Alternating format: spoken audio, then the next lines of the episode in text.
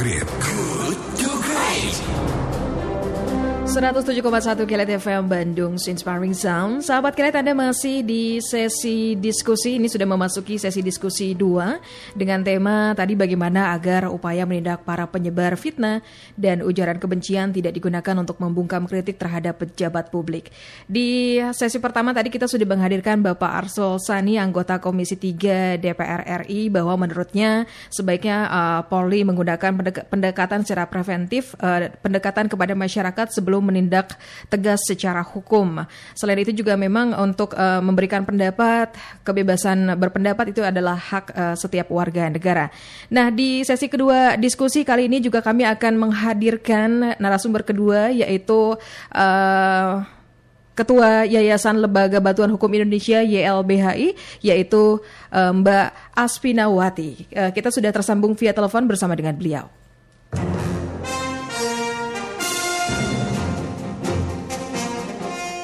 Halo, selamat pagi Mbak Asfi.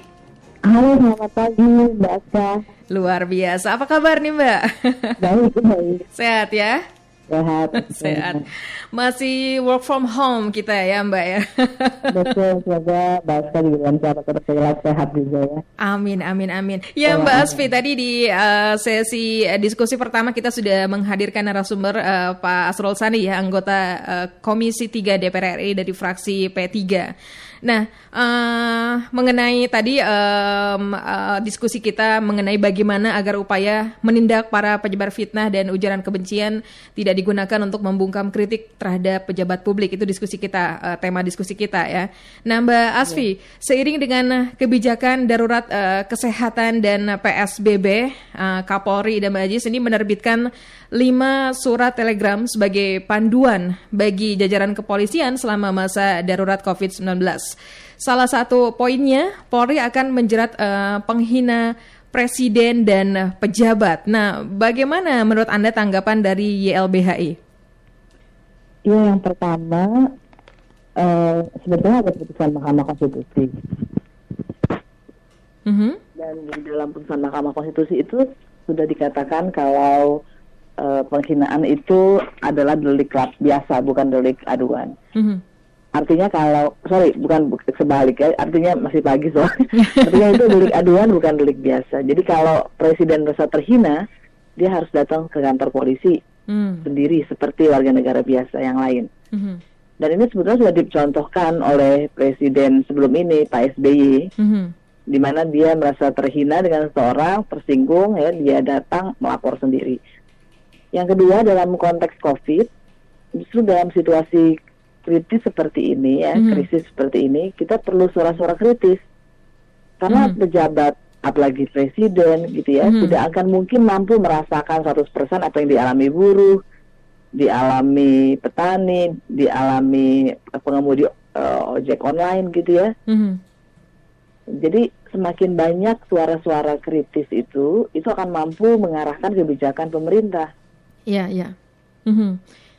Oke, nah ini uh, kita mendukung ya penertiban atas penyebaran fitnah dan ujaran kebencian. Tetapi yang menjadi masalah batasan antara menghina dan mengkritik sering kali sangat apa ya tipis gitu ya Mbak. Bagaimana Betul. agar pelaksanaannya tidak digunakan untuk membungkam para pengkritik? Betul, sebetulnya uh, di dalam uh, skema hak asasi manusia, di dalam konvensi hak sipil dan politik dan sudah kita jadikan uh, hukum dengan Undang-Undang 12 2005 ada satu batasan.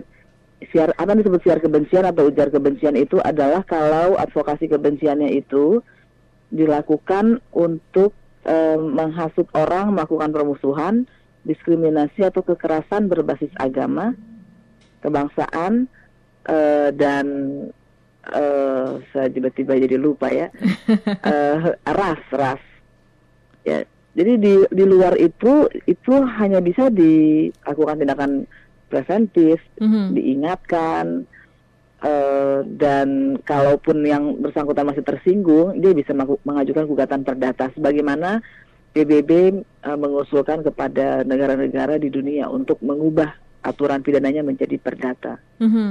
Uh, ini menurut anda di tengah suasana politik di Indonesia saat ini ini malah menjadi terkesan apa ya buyar ya mbak ya antara kritik dan menghina. Uh, bagaimana Betul. menurut uh, Anda secara sudut pandang Anda, Mbak? Iya, jadi kan kita melihat misalnya selain menghina sebenarnya ada yang menarik juga di surat telegram Kapolri itu ada soal hoax kan, mm-hmm. berita-berita tidak benar. Nah masalahnya kan uh, kemarin LP3S baru mengeluarkan penelitian ada 37 pernyataan pejabat yang ternyata salah gitu.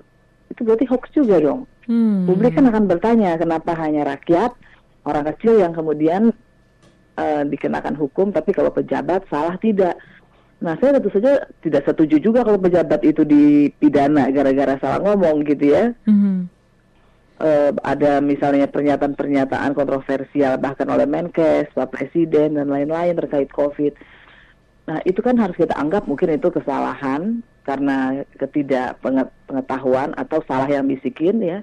Ya itu perlu uh, hanya perlu dilakukan klarifikasi di publik. Sama hmm. seperti ketika uh, masyarakat juga melakukan kesalahan-kesalahan itu hmm Kecuali kalau dia sudah menyasar agama, ya uh, kebangsaan dan ras itu sangat berbahaya dan dan itu pun menurut uh, kebijakan di, di internasional uh, dan juga surat edaran Kapolri sendiri sebetulnya mm-hmm. Mm-hmm. itu harusnya uh, pemidanan menjadi jalan yang terakhir. Oke, Mbak Asfi, tadi seperti yang sudah Anda kemukakan di awal bahwa kalau siapa pun uh, entah personel, uh, entah itu uh, presiden, menteri atau siapa pun yang merasa dirinya terhina atau tersinggung harusnya datang sendiri untuk melapor ya. Nah ini tadi yeah. Iya. uh, menging, uh, apa berkaitan dengan tema diskusi kita di pagi hari ini tadi Pak uh, Arsul menyatakan bahwa sebaiknya pihak uh, Kapolri uh, atau Polri uh, menggunakan pendekatan secara preventif dulu sebelum ditindak secara hukum. Bagaimana menurut Anda? Iya, uh, pertama begini, saya sebetulnya uh, sepakat dengan pernyataan itu ya. Uh, meskipun ada syaratnya yaitu uh, Polri sendiri sebetulnya harus uh, meluaskan pandangan bahwa kritik-kritik itu meskipun pahit atau disampaikan dengan bahasa yang lucu-lucu itu atau bahkan mungkin dengan bahasa yang sedikit keras itu mungkin karena masyarakat sudah sangat terjepit. Mm -hmm. Kita tahu ada orang yang sampai bunuh diri ya karena uh, tidak mendapatkan pemasukan karena COVID, mm-hmm. tidak bisa membayar cicilan mobilnya ya pengemudi online. Jadi ini itu yang saya katakan tadi orang yang ada di di kursi presiden di DPR meskipun dia berusaha memahami dia tidak akan benar-benar mampu merasakan apa yang dialami masyarakat dan ketika masyarakat itu sangat marah karena panik atau juga karena sudah sangat terjepit ya itu ekspresi namanya mm-hmm. gitu kecuali kalau dia bawa-bawa agama tadi ya mhm. nasional mm-hmm. ras itu harus dihentikan itu sangat berbahaya itu berarti uh, batasannya ada di situ ya mbak ya betul secara mm-hmm. internasional di situ Iya, karena mungkin kalau urusan sudah masuk ke urusan perut, urusan dapur, emosi akan memuncak ya, Mbak ya. Betul, betul. Jadi jangan di uh, jadi jangan dianggap ini baru masuk ke minggu keempat kita ya. Mm-hmm. Itu empat minggu itu untuk orang yang tidak punya ketahanan uh, ekonomi itu sudah berat sekali. Orang yang mendapatkan uang menjadi buruh harian atau bahkan orang yang tadinya lumayan kaya ya seperti salon rumahan, mana ada lagi orang berani datang ke salon sekarang? Mm -hmm. Mm -hmm. Apalagi sekarang di Jakarta besok sudah mulai uh, untuk kebijakan PSBB ya? Sosial betul, pembatasan sosial berskala besar. Itu sebelum ini saja kan sebelum diberlakukan secara resmi kan sebetulnya sudah diberlakukan oleh pemerintah. Mm-hmm, Ada orang berkerumun dibubarkan. Jadi sebetulnya yang perlu dilakukan adalah memberikan empati yang lebih besar kepada masyarakat, gitu, dan bukan malah menghukum mereka.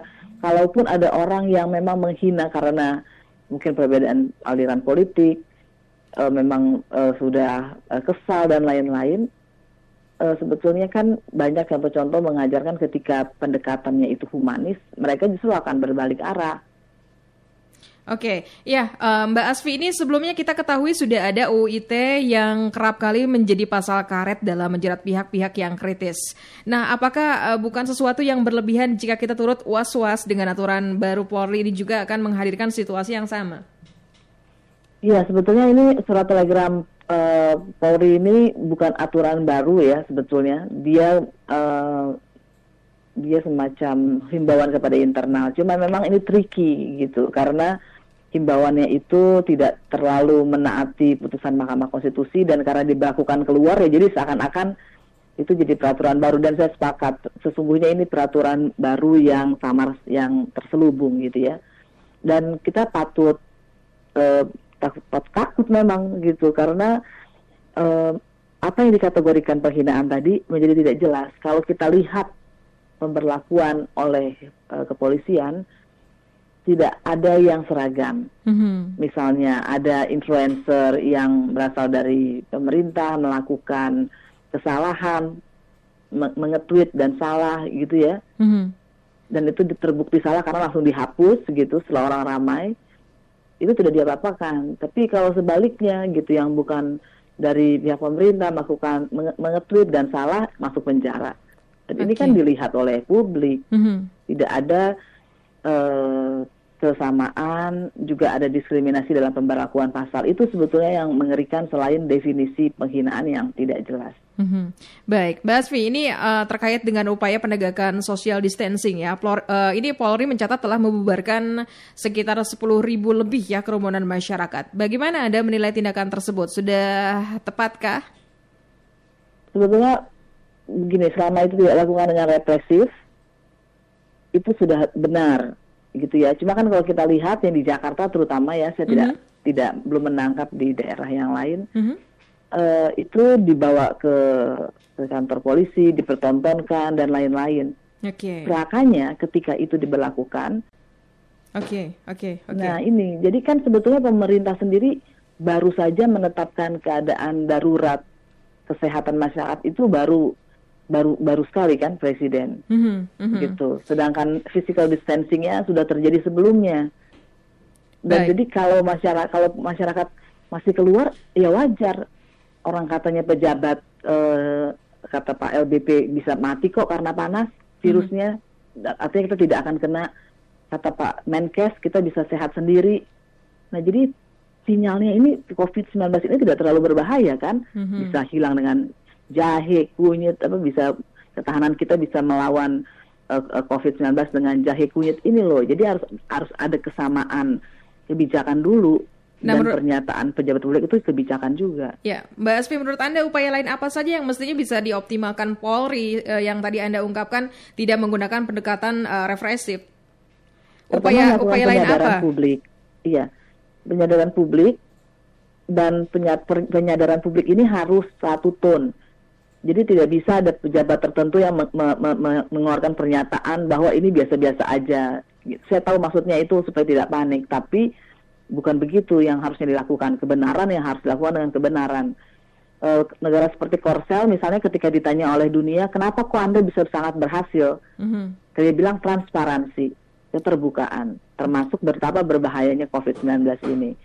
Dan yang kedua, e, tindakan penyadaran ini tidak bisa dilakukan top down dia harus dilakukan juga oleh anggota masyarakat atau pejabat pemerintah di level terkecil misalnya kelurahan, kepala desa gitu. Dan dan yang ketiga ini ini kadang-kadang bias seakan-akan ini soal disiplin. Masyarakat Indonesia tidak disiplin masih keluar tapi mereka lupa bahwa ini karena kebutuhan. Iya, satu Masih sisi ada ya. orang yang harus keluar untuk mendapatkan uang dan bahan pangan. Betul. Jadi yang jadi yang ketiga ini harus dibuat mekanisme mm -hmm, mm -hmm, agar mm -hmm. orang yang keluar untuk jalan-jalan gitu ya bisa dibedakan dengan orang yang keluar karena dia harus Cari mendapatkan makan. uang dan mencari makan, mencari bahan pangan, uh -huh. mau ke rumah sakit dan mencari obat. Oke, okay, oke. Okay. Mbak Asfi yang terakhir ini uh, secara singkat saja menyikap uh, menyikapi isu Telegram dari Pol, uh, Kapolri ini, upaya apa yang akan terus dilakukan oleh YLBHI dan kawan-kawan Aliansi Masyarakat Sipil? Ya, kita harus terus uh, menyuarakan ini karena sekarang uh, advokasi dilakukan mulai dunia maya ya. Uh, dan saya minta sebetulnya masyarakat uh, juga ikut aktif bersuara, mungkin punya pengalaman uh, yang selama ini tidak diketahui oleh Polri sendiri atau oleh pemerintah, suarakan itu supaya mereka tahu apa yang sudah terjadi di masyarakat dan surat telegram itu tidak relevan sama sekali dengan kondisi yang masyarakat yang sudah terjepit. Baik, Mbak Asfi, terima kasih untuk bincang-bincang di pagi hari terima ini. Terima kasih juga Mbak Asya. Ya, mudah-mudahan nanti ada kesempatan lagi untuk ngobrol lagi bersama dengan Anda ya Mbak ya. Ya, terima kasih. Selamat pagi, selamat, selamat pagi. beraktivitas dan sukses untuk Anda. Sehat selalu ya Mbak. Terima kasih, selamat pagi, sukses juga. Iya, sahabat, kira demikian perbincangan kita bersama dengan narasumber Asfinawati yang merupakan Ketua Yayasan Lembaga Bantuan Hukum Indonesia atau YLBHI.